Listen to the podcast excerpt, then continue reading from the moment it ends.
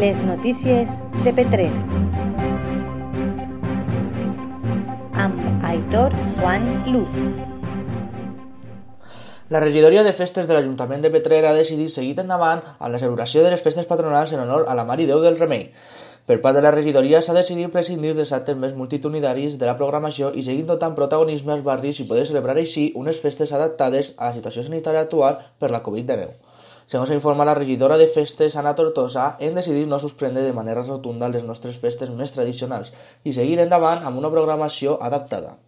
Finalment, dins de la programació s'esperen jocs infantils tradicionals, una programació de concerts per part de les bandes locals i la colla al terrós a les associacions de veïns, així com l'actuació de grups, artistes locals i sorpreses si la situació ho permet com l'Alborada o la Mascleta.